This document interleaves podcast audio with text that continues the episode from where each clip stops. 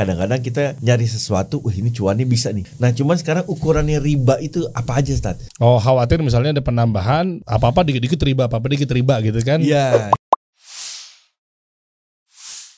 Assalamualaikum warahmatullahi wabarakatuh Ustaz. Waalaikumsalam warahmatullahi wabarakatuh. Waduh takjil kali ini Ramadan ini spesial Ustadz kayaknya Masya Allah balik kondangan Ustaz. Kondangan ini. ini baru pertama anda lihat ya.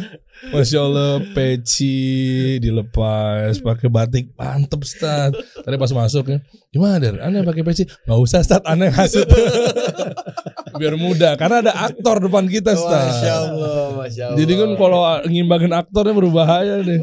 maksudnya gimana? Loh, Aktor kan boleh juga pakai pakai pakai pecin, boleh ya aja. boleh, cuma kan gayanya kan modis Iya. banget. Jadi Ustadz kali ini ada dandanin Ustadz udah batikan aja tanpa peci ada irgi jadi biar ada kesannya kondangan. pengimbangan gitu Masya Allah Ustadz sehat ya Ustadz ya Ya alhamdulillah. Masya Allah Hayakallah Ustadz dan buat teman-teman semua ini ada kesempatan luar biasa nih kita kedatangan Irgi Fahrezi oh Masya Allah Kedatangan lagi nih. iya kedua kalinya ya Kedua kali alhamdulillah. Allah. kapok nggak yang kemarin udah mampir Enggak sih. kan komen-komennya diserang anda ya Gak apa-apa kan. Masya Allah. tempatnya nyari ilmu ya Ustaz ya. Oh, iya, iya. Ya, gitu. Nah, jadi se- seperti biasa, jadi ada narasumber bertanya sesuai dengan profesi atau kelu- keluhannya masing-masing. eh, bersama guru kita Ustaz Zulkarnain Sunusi Hafizahullah Ta'ala Nanti buat teman-teman yang mau nanya Komen aja di bawah Nanti coba kita cek ya Kira-kira relate apa enggak gitu Silakan abang Wih, langsung Apa mau banget nanya kayaknya. Langsung Assalamualaikum Ustaz. Mohon maaf Ustaz, kayaknya langsung tolong-tolong aja nih. Oh, iya Masya dong Allah. Kan banyak keresahan kayaknya nih hmm? Iya iya, Tat. Kalau saya tuh pengen tahu Tat, eh, ukurannya riba tuh apa aja Tat? Karena gini, Oh. sekarang eh, banyak hal yang saya lakuin nih sebelum ini. Terus pernah waktu pas datang ke sini dikorek-korek lah. Dari paling jago. Astagfirullah. Cuman memang benar kan gini, eh, namanya hidup saya ini intinya sekarang ini kan nyari masa eh, nyari nyari inilah. Nyari nyari Maisha. sesuatu memang untuk keluarga hmm. gitu. Kadang-kadang yang kita cari ini yang penting cuan aja kan. Gitu loh. Ah setuju tuh Maaf. Walaupun memang kita punya profesi tapi namanya bertambahnya umur, bertambahnya eh, lingkungan dan lain sebagainya, kadang-kadang kita nyari sesuatu, wah ini cuannya bisa nih kayak Hmm. gitu-gitu. Nah, cuman sekarang ukurannya riba itu apa aja, Stat? Karena eh, pengetahuan mengenai riba tuh saya Hmm, ternyata hmm. masih minim. Oh khawatir misalnya ada penambahan apa-apa dikit-dikit riba, apa-apa dikit riba gitu kan. Iya. Jualan iya, nanti iya. dikasih bunga, dikasih kenaikan. Iya, betul. Masih bingung tuh. Betul, ya kan betul. orang mikirnya bahwa kayak, "Ih, kok dinaikin sih lo jualan riba dong." Nah, misalnya gitu. Iya, iya, Atau iya, mungkin betul, yang lainnya yang nggak Iya. boleh tuh batasan-batasan yang dimaksud riba tuh yang mana? Betul. Wow, Betul, pertanyaan awal langsung begitu ya. Loh, gimana? Oh, keinget rumah yang disita ya? Masya Allah. Sama Bang apa waktu itu? kita nggak usah sebutin. oh iya iya oke oke. Itu udah cerita lalu tuh. Oh iya iya iya. Gimana, Stat? Ya, betul Mohon Ustaz. Barakallahu fikum. Bismillahirrahmanirrahim. Alhamdulillahirabbil alamin. Wassalatu wassalamu ala al-mabu'uts rahmatan lil alamin nabiyina Muhammad wa ala alihi wa sahbihi wa man tabi'ahum bi ihsan ila yaumiddin amma ba'd. Ya Masya Allah ya, pertanyaannya menarik sekali. Barakallahu fikum. Masya Allah. Jadi sebenarnya eh, salah satu hikmah Ramadan itu kan takwa ya. Takwa itu kata sebagian ulama itu engkau masuk di dalam sebuah lahan tanah banyak kerikilnya banyak durinya. Hmm. Nah, kira-kira kayak gimana kita ngelangkah? Kan harus hati-hati kan. Mm-mm. Jangan sampai injak ini, jangan sampai injak ini. Mm. Kita harus tepat langkahnya di daerah yang aman Betul. tidak ada bahaya. Nah, itulah takwa namanya. Hmm.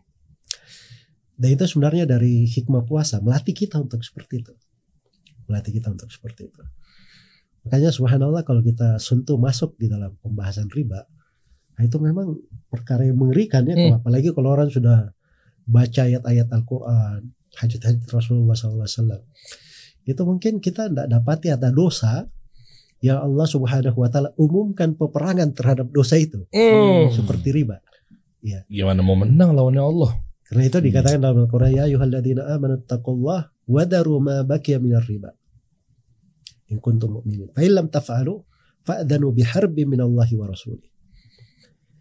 Wahai orang-orang yang beriman, bertakwalah kepada Allah. Dimulai dulu dengan kata takwa. Sebab takwa ini kuncinya. Hmm. Dan tinggalkan segala yang tersisa dari riba. Kalau perlu muamalah riba, tinggalkan. Iya. Kalau memang kalian beriman, Hmm. syaratkan, jadikan syarat keimanan. Terus dikatakan kalau kalian tidak lakukan, maka ketahuilah pengumuman peperangan dari Allah dan Hmm. Rasulnya. Dua ini kita diperangi oleh Allah dan Rasulnya. Allahu Akbar. Dan memang kalau dilihat di di ayat ini ayat sebelumnya itu sudah menunjukkan bahaya-bahaya riba ya panjang untuk diuraikan. Nah, dan pintu riba itu itu termasuk pembahasan yang bisa masuk di dalam puluhan bahkan mungkin ratusan dari pintu muamalah manusia, transaksi manusia. Karena itu di dalam Al-Quran cuma dikasih dua perbandingan. Wa ahallallahu al-bai' wa harrama riba. Allah menghalalkan jual beli dan Allah haramkan riba. Jadi kebalikan dari jual beli yang dihalalkan itu adalah riba namanya. Nah, jadi bisa dibayangkan itu. Hmm.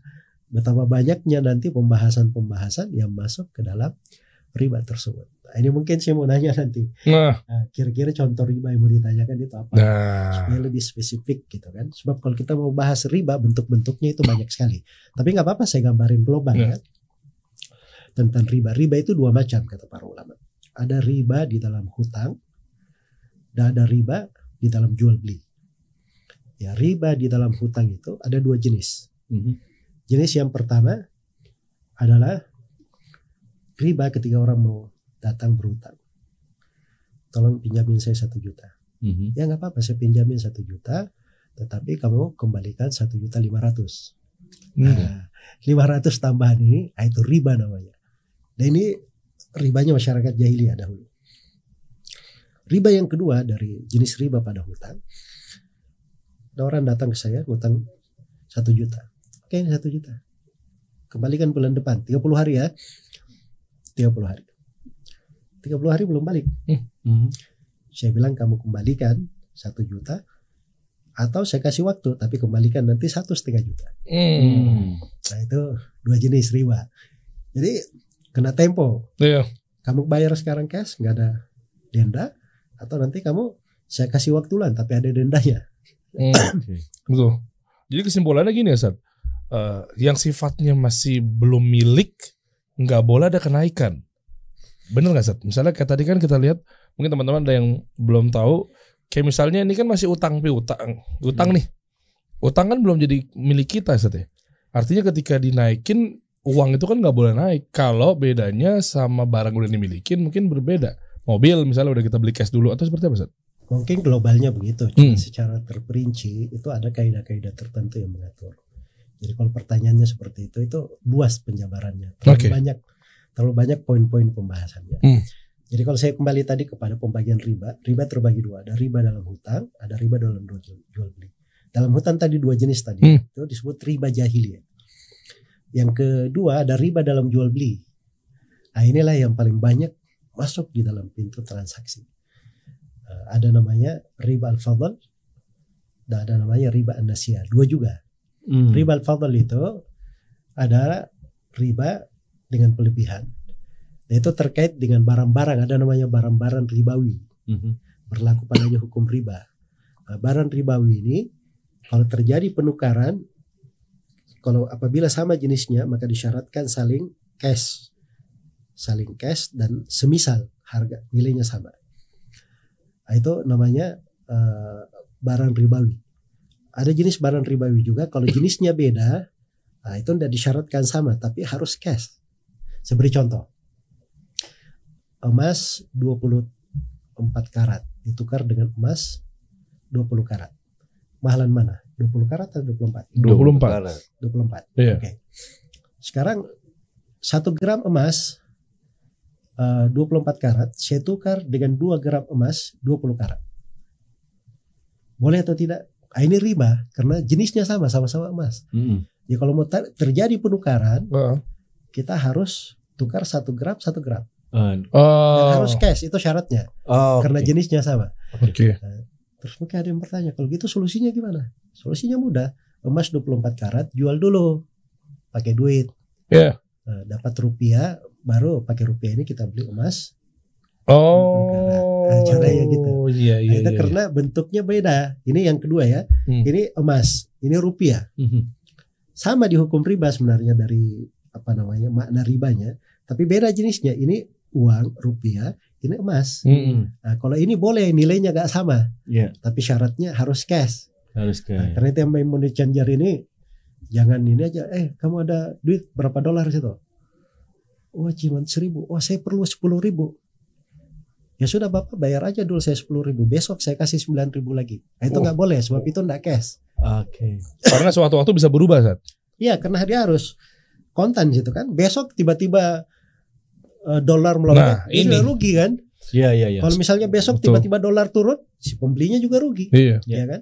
Makanya harus saling cash. Jadi syariat itu subhanallah hikmahnya itu Masya Allah. luar biasa ketika memberikan uh, sesuatu aturan-aturan itu pasti di dalamnya ada kemaslahatan untuk orang yang melakukannya dan untuk manusia. Manusia itu bukan muslim saja, non muslim juga dapat manfaat Iya. di situ dari aturan-aturan syariat. Betul. Cuman banyak dari kita karena dia tidak pelajari, akhirnya kurang di dalam memahami. Ya mungkin itu uh, yang disebut dengan riba fadl. Jadi ini tidak boleh saling dilebihkan. Mhm. Ada namanya riba nasia. Riba nasia ini, nah itulah kalau terjadi pengunduran emas ditukar dengan rupiah. Oke, saya beli emasnya 20 gram, tapi saya bayar sebagian dulu besok baru saya lunasin. Nah, ini nggak boleh, Mhm. Nah, harus bayar cash. Oke. Kalau cash baru Oke. uh, benar. Kalau tidak, maka itu namanya riba nasia. Oh, Oke. Baik. Cash yang dimaksud ini cashnya uang cash itu atau ditransfer tapi saat itu juga boleh nggak, Sat? Boleh juga kalau dia transfer. Oke, saya transfer sudah. Oke, sudah masuk bawa emasnya. Itu cash juga. Ah, Oh, Itu itu cash juga. cash juga sebenarnya. fair jadinya kalau itu. Iya. Iya. Nah, Tat, kalau yang terjadi di eh, yang pernah terjadi di lingkungan saya nih, Tat. Satu project bisa ada satu project yang memang mau dikerjakan, tapi memang untuk mengerjakan project itu kan perlu modal. Nah, modalnya ini memang sebenarnya ya, eh, apa namanya kurang lah gitu. Akhirnya yang dilakukan adalah mencari modal tersebut tuh kepada orang lain. Taruhlah saya eh, akhirnya datangnya ke Derry. Hmm. Terus Derry ada dananya ternyata. Hmm. Nah, Derry eh, berkenan untuk memberikan dananya itu ke saya untuk diolah lah boleh boleh dibilang seperti itu untuk mengerjakan lewat proyek ini Oke. karena kan mungkin saya akan memberikan bukti-bukti bahwa saya punya hak untuk mengerjakan Ya. proyek ini atau misalnya eh, PO-nya lah ya. PO-nya lah Mm-mm. gitu kan. Nah, tapi karena Derry memberikan eh, senilai uang senilai tertentu. Nah, pada saat waktu eh, saya bilang sama Derry, ini uang akan saya kembalikan dengan nilai yang melebihi yang dia berikan. Itu dikatakan riba atau bukan? Oh, itu bener tuh. Nah itu jenis akadnya. Jadi situ eh, makanya beda tipis tadi. Kan Ah. saya bacakan ayat. Wa halallahu al-bai' wa harrama riba. Allah halalkan jual beli Mm-mm. Dan haramkan riba. Jadi ini kadang beda tipis ini antara yang dihalalkan jual beli dan antara riba yang diharamkan. Kadang beda tipis. Kalau situ tadi akadnya apa tadi? Nah, itu yang penting. Jadi kalau misalnya Mas Oh, Ergi pinjam dari Derry. ya kalau ngasih itu berarti mudoroba, Sat. Misalnya. Ya, sekarang kita pinjam dulu akad pertama, pinjam. Aha. Oke. Oke, kurang Satu miliar 20. nih. Ya. Ini proyek kurang Banyak, 100 juta nih, Dar. Hmm. Kurang pinjam duit ente 100 juta. Nanti Anda kembaliin 120. Ente lihat nih, dari proyek ini kan kelihatan margin saya berapa. Hmm. Ya, anggaplah saya misalnya bisa dapat atau 50. Ya, Nah, yang 20 itu eh, diminta atau misalnya saya berikan kepada eh, Derry gitu. ya. Saya nggak tahu apakah memang itu tergantung memang akadnya seperti apa. Kalau misal Derry meminta itu sebagai imbalan, apakah itu riba? Nah, jadi nanti saya akan terangkan. Oke. Wah, pertanyaannya Jadi ngeri, ngeri, ngeri. Konsep pertama ya, pinjam Der Ya. 100 juta. Nanti saya balikin 120 juta. Kelihatan, Der sudah periksa. Oh benar ini. Untungnya ada 50 juta. Pasti Betul. ada dapat cuan juga nih. Ah, ya, ya, ya. Nah, ini ini yang tidak boleh. Itu tadi riba yang pertama. Riba dalam hutang tadi. Nah, Karena ini akadnya hutang. Hutang itu dari akad hutang itu adalah untuk membantu orang, bukan kita memanfaatkan orang itu hutang. Oh. Tapi kalau misalnya- Mas Yerji sudah selesai proyeknya, di awal nggak ada akad kita mau kasih 20 juta. Tapi Mas Yerji balikin der, nih uang kamu 100 juta. Saya terima kasih banyak sudah dibantu. Saya kasih lagi 20 juta. Nah, hmm. itu boleh, Sat. itu boleh. Oh, komisi. Tapi nggak boleh ada akad minta di depan. Di, di depan, di tengah, di belakang tidak ada akad perjanjian. Itu pemberian sukarela ketika kita menyelesaikan hutang kita. Nah, karena itu dikatakan oleh Nabi Shallallahu Alaihi Wasallam. Dan ini subhanallah ya, dari sebab rahmat juga. Kata beliau dalam hadits Jabir riwayat Al Bukhari, rahimallahu mar'an samhan idza ba'a wa samhan idza ishtara wa samhan idza iqtada. Allah merahmati seorang hamba, dia dermawan ketika dibeli. Harganya berapa? 10 ribu. Oke, bayar 10 ribu. Padahal saya tahu ini orang sana jualnya 8 ribu. Paling Hmm. modal dia 5 ribu. Cuma saya ingin bantu dia, saya dermawan. Hmm. Ah, Oke. 10 ribu. Dan samhan ida eh, ba'a kalau dia menjual, saya jual kan. Nah ini saya orang un- biasanya untung 5 ribu. Ah saya untung 3 ribu aja dan nggak apa-apa. Itu juga Allah rahmati. Yang ketiga samhan ida qtada. Dia pemurah, dermawan ketika dia melunasi hutangnya. Hmm. Nah, ketika melunasi nggak apa-apa. Tapi kalau di depan bicara, di tengah nggak boleh. Di belakang juga nggak boleh saudara. Oh, oke. Yang penting kita itu kerelaan dari yang memin, eh, yang Eh, m- iya meminjamkan. yang meminjam kerelaan dari meminjam ketika mengembalikan piutang eh, mengembalikan hutang itu dia beri sendiri dengan kerelaan. Oh, masya Allah. Kalau tipis-tipis juga nggak boleh, Sat. Even kayak udah ntar kalau emang misalnya jalan, kalau laku, gue kasih ntar komisi. Tapi gue nggak janji ya. Nah itu gimana, Sat? Nah, itu sudah kasih mimin depan. Oh, tetap hitung ya. Enggak, tapi memang Tetap saya menariknya ya. ini adalah Allah. eh Ustadz tadi bicara mengenai akadnya bagaimana. Ya betul. Kan- Ini baru akad pertama nih saya terangin. Bu. Terangin akad yang kedua. Wah, tamu nih. Pasti oke. ada yang kedua ya. Itu dulu. Seru Masih nih, seru kedua nih. dulu. Ya. Ya saya itu selalu kalau di fikih muamalah ekonomi, saya itu selalu berusaha memberikan solusi. Kalau ada yang dilarang, terus yang bolehnya apa? Nah, Hmm, ini oke. Ustadz Zul banget ini. Iya, Masya iya, Allah. Itu kan sebenarnya Nabi kasih solusi seperti itu. Iya. Pernah ada sahabat, dia datang kepada Nabi bawa dua dua sok ya, Quran, korma. Nabi tanya dari mana kamu dapat apa namanya eh, korma ini? Katanya Rasulullah ini saya ganti dengan korma, korma bagus gitu. Jadilah dua sok. Nah, kata Nabi itu nggak boleh. Korma satu sok, ketika ditukar bagus dengan jelek harus sama, sama-sama satu sok. Hmm. Ini kan sudah dua, sudah riba kan? Oh. Oke. Jadi kata Nabi Shallallahu Alaihi Wasallam, kalau kamu ingin dapat korma yang bagus itu, jual dulu korma jelek ini. Mhm. Nah, dapat duit, baru kamu pakai duit itu dinar atau Hmm. dirham, baru kamu pakai untuk beli korma satu sok ini. Hmm. Jadi Nabi menjelaskan ini terlarang, tapi beliau kasih solusi. Hmm. Solusinya itu begini. Nah, Oke. itu harusnya begitu di dalam fikih Iya, ulama. iya. Ya, cuman jangan juga ngasih solusi, tapi solusinya ternyata diharamkan juga. Nah, ini syubhat tuh jadi. Jadi kita itu memang yang paling pertama itu dihadirkan oleh orang yang menjawab pertanyaan. Dia hadirkan dia ini bisa selamat nggak di depan Allah kalau dia jawab gitu. Itu dulu. Iya. Jangan dia mau nyari solusi untuk orang dia sendiri masalah gitu kan. Hmm. Iya. Atau paling tidak dihadirkan antara dia dengan yang bertanya ini. Ini ada pintu neraka ini di samping saya nih kalau ada masalah gitu kan. Jadi eh, memang gayanya orang-orang yang menjawab itu kalau dia menjawab sesuai ilmu memang harus dihadirkan seperti itu. Nah itu pendidikan ilmu kan untuk khasyah. Innama yakhsyallaha min ibadihil ulama. Sungguhnya yang takut kepada Allah dari hamba-hambanya hanyalah orang yang berilmu. Karena orang yang berilmu itu dia kadang menjawab pertanyaan biasa, santai, kadang senyum, tapi hatinya itu luar biasa ya. Saya itu tanya ke guru-guru saya, ya. Kadang dia bicara sama kita biasa gitu santai. Begitu saya bilang, Syekh, saya ada pertanyaan, langsung berubah wajahnya. Serius gitu kan. Jadi itu saya baru lihat tuh, dia mungkin menghadirkan sorga neraka di depan dia tuh. Iya, iya, iya. Jadi itu subhanallah ya dari eh, hal-hal yang berpengaruh juga ya ke diri saya dari dari guru itu. Makanya kan saya selalu bilang kalau belajar itu harus ada guru gitu loh. Sebab guru itu memberi kadang kepada kita ilmu tidak ada di buku-buku tuh. Eh, iya, Nah, itu iya. termasuk ilmu tidak ada di buku sebenarnya. Iya. Tapi kita lihat dari guru kita. Jadi sebenarnya solusinya tadi ya. Mhm. Jadi akadnya ke diri tadi itu akad kerjasama saja. Mhm. akad kerjasama. Nah, namanya kalau diri banyak nama lah, bisa disebut syirika, bisa disebut mudharabah, bisa disebut hal yang lain. Banyak penamanya di buku fikih. Kerjasama aja. Nah, cuman resikonya kalau kerjasama begini, konsekuensinya bukan resikonya, konsekuensinya. Kalau diri beri ke Mas RJ 100 eh, 100 juta. Ya. Ini sudah lihat proyeksi proyeknya ini Hmm. luar biasa. Meyakinkan nih, pasti berhasil kan ya. Betul. Tapi kan nggak ada yang tahu. Kalau tiba-tiba misalnya ada musibah atau Ya. ada apa, kan itu di luar prediksi kita kan, di luar Namanya kemampuan bisnis ya, kita. Ya? Nah, ya kalau terjadi itu, dari harus siap nanggung juga. Oke. Hmm. Nah, itu baru kerjasama namanya, untung sama untung. Rugi sama rugi. rugi. Jangan ente untung aja jamin duit ente 100 juta harus balik.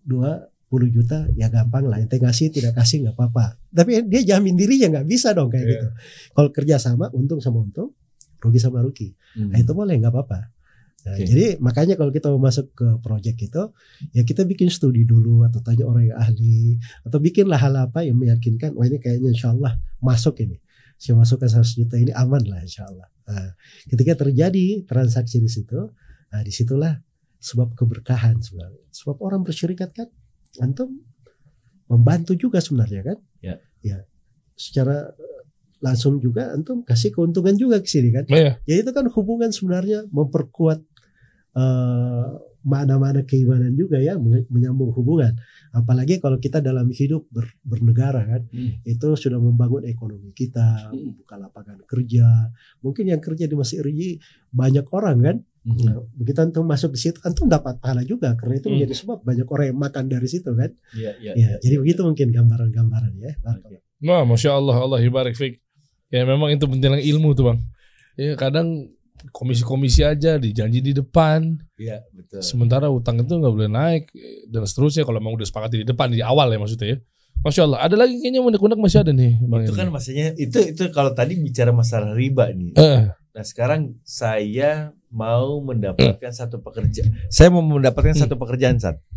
Nah saya tahu di situ ada eh, taruhlah kita bicara tentang instansi gitu. wow. Untuk masuk ke dalam instansi itu kan kita harus eh, tahu caranya nih. Salah satunya adalah dari mana nih lubangnya gitu kan. Iya, Nah, ada orang dalam kan nih? ada itu dia.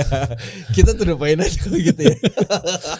Anggaplah orang dalamnya itu adalah Derry gitu kan. Saya terus jadi korban dari tadi Nah, habis kan kita oh, iya, cuma contoh, bertiga contoh. Iya, gitu betul, kan. betul. Jangan Ustadz lagi kan Ustadz Iya. ditanyain. Iya, iya, Nah, betul, oke. betul, betul. Nah, kita masuknya lewat Derry. Hmm. Nah, tapi Derry-nya sendiri memang Ikhlas. mungkin- ya, sekarang gini lah. Zaman sekarang itu kadang-kadang bias kan, tidak harus diungkapkan tapi Iya, ngerti aja deh. Ngerti aja Iya, lah. gitu, Tan. Iya, iya. Ya kan? Nah, ada pelicin ya. ya kurang lebih kayak begitu, Ustadz. Hmm. Secara hukum Islamnya seperti apa, Ustadz? Oh iya juga ya. Karena betul, Bisa jadi mungkin gue niatnya ngebantuin memang. betul. Karena Tapi korup nggak ya? KKN nggak ya? Ya. Oh iya. lepas dari itu korup atau tidak. Kalau itu kan dari hukum negara.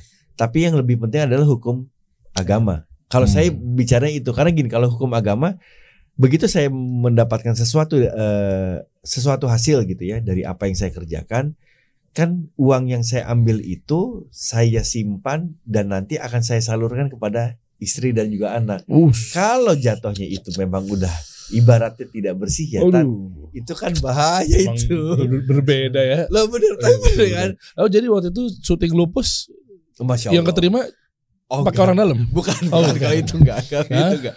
Ini yang lain lagi. Oh emang Ini- casting ya? Bukan, bukan. itu emang kalau itu casting. enggak, Oh. kalau itu enggak. Itu bagaimana Ustaz? Langsung ke Ustaz. enggak, enggak, Dia enggak. takut. Kalau yang itu cuma- enggak, Ustaz. Kalau Cuma itu enggak. klarifikasi yang syuting lupus berarti kan mungkin dari sekian banyak. enggak. Kalau Oh bisa syuting bisa aman. ada yang kepilih gitu loh. Enggak, kan masih Anjas marah. enggak. Kalau masalah itu enggak, Ustaz. Tapi Oke. kita bicara dengan eh, itu kan bukan bisnis kalau itu. Oke. Ya Oh ini kan? bisnis. bisnis gitu. Biar Biasanya lancar ya. ya, saya masuk ke dunia bisnis, saya melihat yang saya lihat waktu itu di lingkungan saya ada seperti itu. Bahkan kan memang Iya. lebih-lebihnya adalah eh, kayak entertain lah, bla. Iya. Nah, bagi saya apakah kita melakukan itu semuanya itu akhir-akhirnya hasilnya jadi menjadi sesuatu hal yang tidak halal apa enggak gitu. Itu yang paling penting. Hmm. Yang saya pengen tahu itu Tat. Gimana tuh Tat? jadi banyak dipertanyakan di masa sekarang ini Hmm. karena banyaknya terjadi Iya betul. dan ini juga yang perlu kita apa namanya waspadai ya Hmm. karena ada hal-hal kadang kalau kita lakukan itu dampaknya bukan ke kita aja itu mungkin bisa mempengaruhi tataman masyarakat kadang bisa merugikan negara juga kan Oh.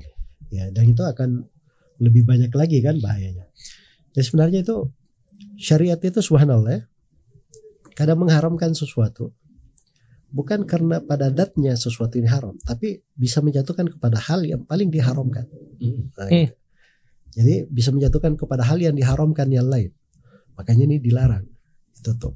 Itu namanya pintu sadud daria Eh, kaidahnya sebenarnya kalau dia seorang pegawai di dalam sebuah kegiatan Nabi Shallallahu Alaihi Wasallam itu bersabda hadiatul ummal gulun hadiah kepada seorang pegawai itulah harta curian. Nuh. Disebut gulul. Di sebagian pembahasan dengan berbagai dalilnya itu disebut riba. Ya. Kenapa disebut dia gulul, harta rampas, hal yang diharamkan? Karena dia kan sudah pegawai di situ. Hmm. Dia kan digaji. Hmm. Nah, ketika dia digaji, itu artinya dia sudah menjual waktunya. Hmm. Dia sudah menjual kemampuan dia untuk bekerja dari jam 8 sampai jam 12 misalnya ya. Gajinya kan biasanya kesepakatan gitu. Hmm. Kalau PNS misalnya dia sudah kan sudah digaji ada kerjaannya gitu. Nah di kerjaan ini nggak boleh dia mengambil apa pun. Sebab kalau ada mengambil sesuatu di situ, nah di situlah sumber bahaya. Harusnya misalnya dari profesional dia, Hmm. ini dia kasih peraturan, tapi karena ada ada tiga orang yang maju, yang satunya ngasih, yang satunya padahal kurang karena ada kasih sayangnya. Akhirnya di, dimenangkan. Nah, itu kan sudah keluar dari amanah kan. Hmm. Jadi kalau hal yang seperti ini terjadi dalam sebuah negara, instansi misalnya, itu kerusakannya kalau lebih Iya. parah lagi kan. Ya makanya itu harus kita syariat itu memutus hal itu karena bisa menjatuhkan ke dalam bahaya-bahaya yang lebih besar. Ya. Makanya di masa sekarang ini kadang kita pahit juga ya. Ini sisa sedikit ini sebenarnya. Cuman gini aja kita dapat proyek kerjanya pasti ini. Tapi jalurnya ini mungkin menjadi sebab ini tidak diberkahi, Hmm. tidak berjalan. Nah seperti yang disebut oleh Mas Ingrid tadi. Hmm. Ketika dapat nafkah dengan cara yang tidak halal itu tadi kita masukkan ke istri kita itu kan kita, harusnya kita takut? Betul. ya apalagi tumbuh daging itu dari hal yang diharamkan Hmm. nah itu kita juga memang harus mengkhawatirkan nah, seorang muslim kan pandai membedakan mana yang halal mana yang haram tapi subhanallah dari hikmah Allah orang-orang yang meninggalkan sesuatu karena Allah Allah akan ganti dia lebih baik daripada itu Masya Allah. karena itu Nabi Shallallahu Alaihi Wasallam bersabda Inna lan tada'a syai'an ittiqa Allah illa abdalaka Allahu khairan minhu. Tidaklah kamu meninggalkan sesuatu karena ketakwaan kepada Allah kecuali Allah akan ganti kamu lebih baik daripada itu. Masya Allah. Lebih baik daripada itu. Baik. Jadi itu luar biasa ya sebenarnya. Dan itu kaidah. Itu ada buku-buku loh ditulis masih ini tentang Hmm. orang-orang yang dalam hidupnya mengamalkan itu meninggalkan sesuatu karena Allah Allah ganti dia lebih bagus. Saya pernah baca satu buku itu cerita tentang orang itu aja terjadi di dalam hidupnya ada sesuatu yang diharamkan tinggalkan Allah ganti dia lebih bagus daripada itu. Masya Allah. Masya Allah. Jadi tandanya Ustaz, kita nih sebagai apalagi kepala keluarga gitu ya. Hmm. Kepala keluarga itu apa dan kita seorang muslim punya kewajiban untuk mencari tahu sumber rezeki tersebut gitu. Ya betul. Sebab kalau kita tidak mencari tahu sumber rezeki itu dari mana, ah itulah fitnah di akhir zaman yang terjadi. Ya, di zaman ala nas akan datang suatu masa terhadap manusia. Seorang itu nggak tahu ini yang dia dapatkan ini min halalin atau haram, dari halal atau dari haram. Akhirnya menjadi menjadi masalah fitnah di akhir zaman. Karena itu kita harus pandai membedakan. Pastikan dulu ini halal, akhirnya rezeki kita. Ini haram kita tinggalkan. Mungkin kita meninggalkannya itu, itu rezeki juga Mhm. Hmm. dari Allah sebenarnya. Cuma orang kan pahamnya rezeki itu duit, duit, duit aja. kan. Iya iya betul betul. Padahal rezeki itu sebenarnya ada rezeki terkait dengan agama, ada rezeki terkait dengan dunia. Dia tinggalkan harta haram ini, sebenarnya rezeki juga rezeki agama untuk dia. Mhm. ya kan Allah Iya. selamatkan dia dari hal yang diharamkan Iya. bayangkan kalau diambil ini betapa banyak pengaruh yang buruk dia dalam hidup belum lagi di kelak di kemudian hari Iya. apa yang harus dia jawab dihisap kan. Bus. maka mungkin ketika dia tinggalkan itu itu sebenarnya rezeki juga bagi dia cuman kan kita selalu konotasinya rezeki itu duit Duit. Dunia semua. Jadi doain aja biasanya kalau ketemu teman lama kan, wih semoga lancar rezekinya ya. Itu fitrah manusia pasti mindset itu duit. Iya Iya kan? betul, betul. Bukan ukuran orang keberhasilan itu Ah. adalah duniawi selalu. Selalu Iya, Pasti begitu. ya. Doain gue ya biar lancar rezekinya ya. ya. Iya betul betul. Coba tanya deh, fitrah manusia pasti yang dimaksud dengan minta doain itu apa? Pasti duit Zat. Mindsetnya kenapa begitu Zat? Ya, Ya, meskipun nggak semua ya. Mhm. itulah sebenarnya eh, kehidupan ini kenapa harus selalu diimbangi dengan ajaran-ajaran agama petua-petua agama supaya seimbang kita hidup Iya. Dan kita bisa mengenal hakikat hidup itu apa. Sebab kalau kita nggak kenal hakikat, hakikat dari hidup kita, hidup itu berlalu begitu aja gitu. Tapi kalau kita tahu dari hakikat hidup, tahu pemahaman agama dari musibah pun bisa kita dapat pahala gitu Hmm. Ya. dari hal yang misalnya pahit gitu itu bisa menjadi manis untuk kita nah, itu harus dipoles dengan ilmu-ilmu agama jadi itu memang perlu waktu untuk mempelajarinya harus ada hari-hari kehidupan kita hiasi dengan hal yang seperti itu ya Allah taala Masya Allah. Barakallahu fikum. Ini mau nanya satu kali lagi apa cukup? Sebenarnya banyak yang mau. Banyak. Tapi di tabdil kali ini 30 menit manfaatkan waktu dengan sebaik-baiknya. Iya. Iya. Biar kalau kita kayak Oh. gini tat, kalau misalnya kita bicara yang zaman sekarang sih. ah Tat, satu ya. lagi nih cakep. Satu nih. lagi boleh ya? Boleh. Boleh, Bang. Boleh. Buat Irgi Farezi, aktor ternama. Enggak, masalahnya untuk dapetin ilmu itu kan sebenarnya kalau kalau bicara Hmm. begini aja nih tandanya nggak gampang, Ustaz. Mm-mm. Saya harus harus nyari ustadz, harus nyari Iya, Ustadz Zul iya, gitu betul. kan. Sementara Ustadz Zul susah dikejar. Susah. susah nangkepnya ya kan? Beliau Makanya. tadi aja habis meeting eh, sebelum syuting kita ini kan. Habis Betul. meeting, maksudnya habis meeting. Betul. maksudnya. Jadi banyak kegiatan lah gitu. Yang memang- dicolek tadi barusan. Iya, iya betul. Enggak, tapi maksudnya kan gini. Kan saya ambil kesimpulan kita sebagai muslim eh, laki-laki itu udah memang sudah punya kewajiban untuk tahu pengetahuan ini. Jadi setiap kita melangkah ini harusnya kita cek dulu. Kalau Hmm. kita punya kamusnya ada di tangan kita, pasti kan tinggal tinggal buka, Ustaz. Tapi masa iya saya setiap melangkah telepon dulu Ustadz, Ustadznya lagi nggak Hmm. bisa dan lain sebagainya. Jadi mumpung ada kesempatan ya Iya, kita boleh betul. ya kita izin Zat. Oke Tat. Hmm. Sekarang gini, zaman sekarang ini kan ada kayak ini eh, Derry, YouTube dan lain Iya. sebagainya. Terus eh, endorsement dan lain sebagainya. Waduh. Gak apa-apa kalau ini tambah pertanyaan boleh lah. Mewakili saya juga. Buahnya buat kita. Ya. Itu bagaimana hukum Islam? Waduh, endorse ya. Aduh. Gimana, Cuan lagi ya. Jadi itu memang benar tadi ya kalau terkait dengan masalah-masalah yang kita mau lakukan. Itu harus kita di atas basirah, di atas pengetahuan. Jadi memang kalau kita nggak pelajari, kita bertanya, Hmm. nah gitu kan? Hmm. Jadi kewajiban kita kita belajar. Kalau kita nggak bisa pelajari, kita tanya. Kan paling mudah kan bertanya. Hmm, iya. Fasalu ahla dzikri in kuntum la ta'lamun. Bertanyalah kepada orang yang tahu kalau kalian tidak mengetahui. Hmm. Ustadz-ustadz itu kan banyak kan, alhamdulillah. Nah mesti saya juga kan banyak. Tapi pertanyaannya bagaimana cara memilih guru yang tepat itu, Ustaz? Ya, Ya kan yang- banyak tapi kalau eh, tidak sesuai pemahaman para sahabat metode pembelajarannya gimana, Ustaz? Iya, jadi maksudnya guru itu kan sudah dijelas ininya kan. Kenapa Guru- gila-gila kan bener kan? Enggak ya. Guru Iya. yang dia kenal akidah yang benar di atas jalannya Nabi dan para sahabat.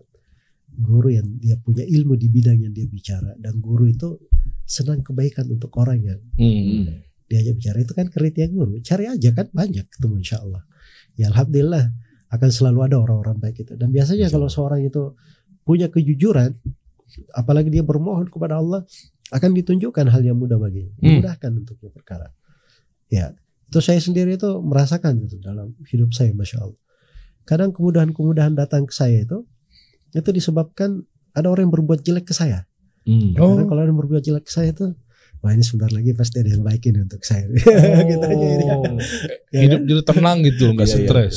Jadi harus kita seperti itu juga kan. Mm-mm. Iya. Coba kalau ada masalah eh, kita selalu pikul, oh, berat juga rasanya hidup di Hmm. dunia ini.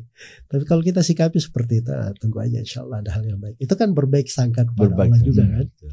Betul. Itu harta yang sebenarnya sangat mahal tuh berbaik sangka kepada Allah. Karena kita walaupun ada ujian, ada cobaan, kita selalu berbaik sangka kepada Hmm. Allah. Hmm. Ya. Dan insya Allah akan diberikan hal yang terbaik, hal yang termudah dari situ. Itu harta yang mahal. Tapi kalau harta yang tadi dari endorse itu bagaimana, Ustaz? Nah, gimana Tat? Apa kita memang hanya menilainya dari sisi manfaatnya aja atau gimana? Itu sebenarnya perlu pembahasan khusus kalau mau dirinci ininya. Hmm. rincian-rincian kerjanya. Cuman kan secara umum kaidahnya ada yang halal namanya jual beli, ada yang haram namanya riba. Dan yang haram itu aja ada banyak bentuk, ada kezaliman, ada hal yang diharamkan di dalamnya, merampas hak manusia dan sebagainya kan. Hmm. Jual beli itu juga macam-macam bentuknya yang dihalalkan itu.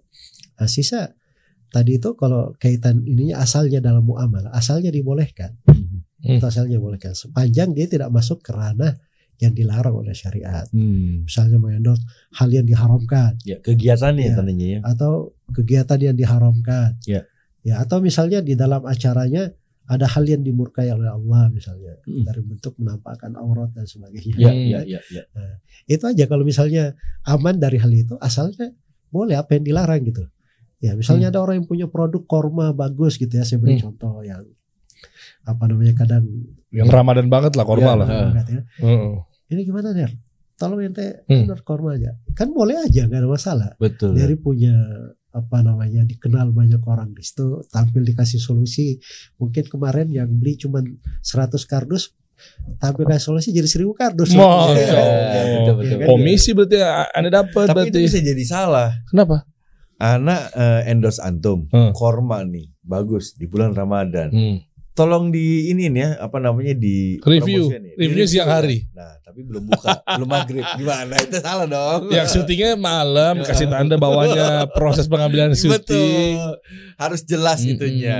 Iya juga ya. Iya kan? Tapi Jadi- hukumnya gimana saat kalau tayangnya di posting kan Instagram kan dilihatnya kan kapan Anytime. jam. Iya. Jadi ketika pas orang lagi ngelihat tiba-tiba kita lagi makan sedap, minum sedap gitu kan. Nah, ya kan yang diterangkan sepanjang hal-hal yang bermanfaat pada Hmm. dasarnya dibolehkan tidak dilarang kan dia nggak kegoda urusan dia saatnya kalau kegoda ya. itu kan kita sudah beri pengumuman di bawah Hmm. itu kan eh, partisipasi dari kita antisipasi juga Hmm. supaya orang jangan jatuh pada hal yang dilarang Larang. Oke. sepanjang kita sudah bertakwa kepada Allah sesuai dengan kemampuan kita ya insya Allah sudah bagus gitu fattakullah mastata'tum bertakwalah kepada Allah sesuai dengan kemampuan kalian barakallah Masya Allah iya urusan dia kalau memang dia batal gara-gara ngeliat postingan ente kan habis minum haus itu kan. Wow. Kan niatnya yang buat tuh apa? Gitu ya, Tat, ya.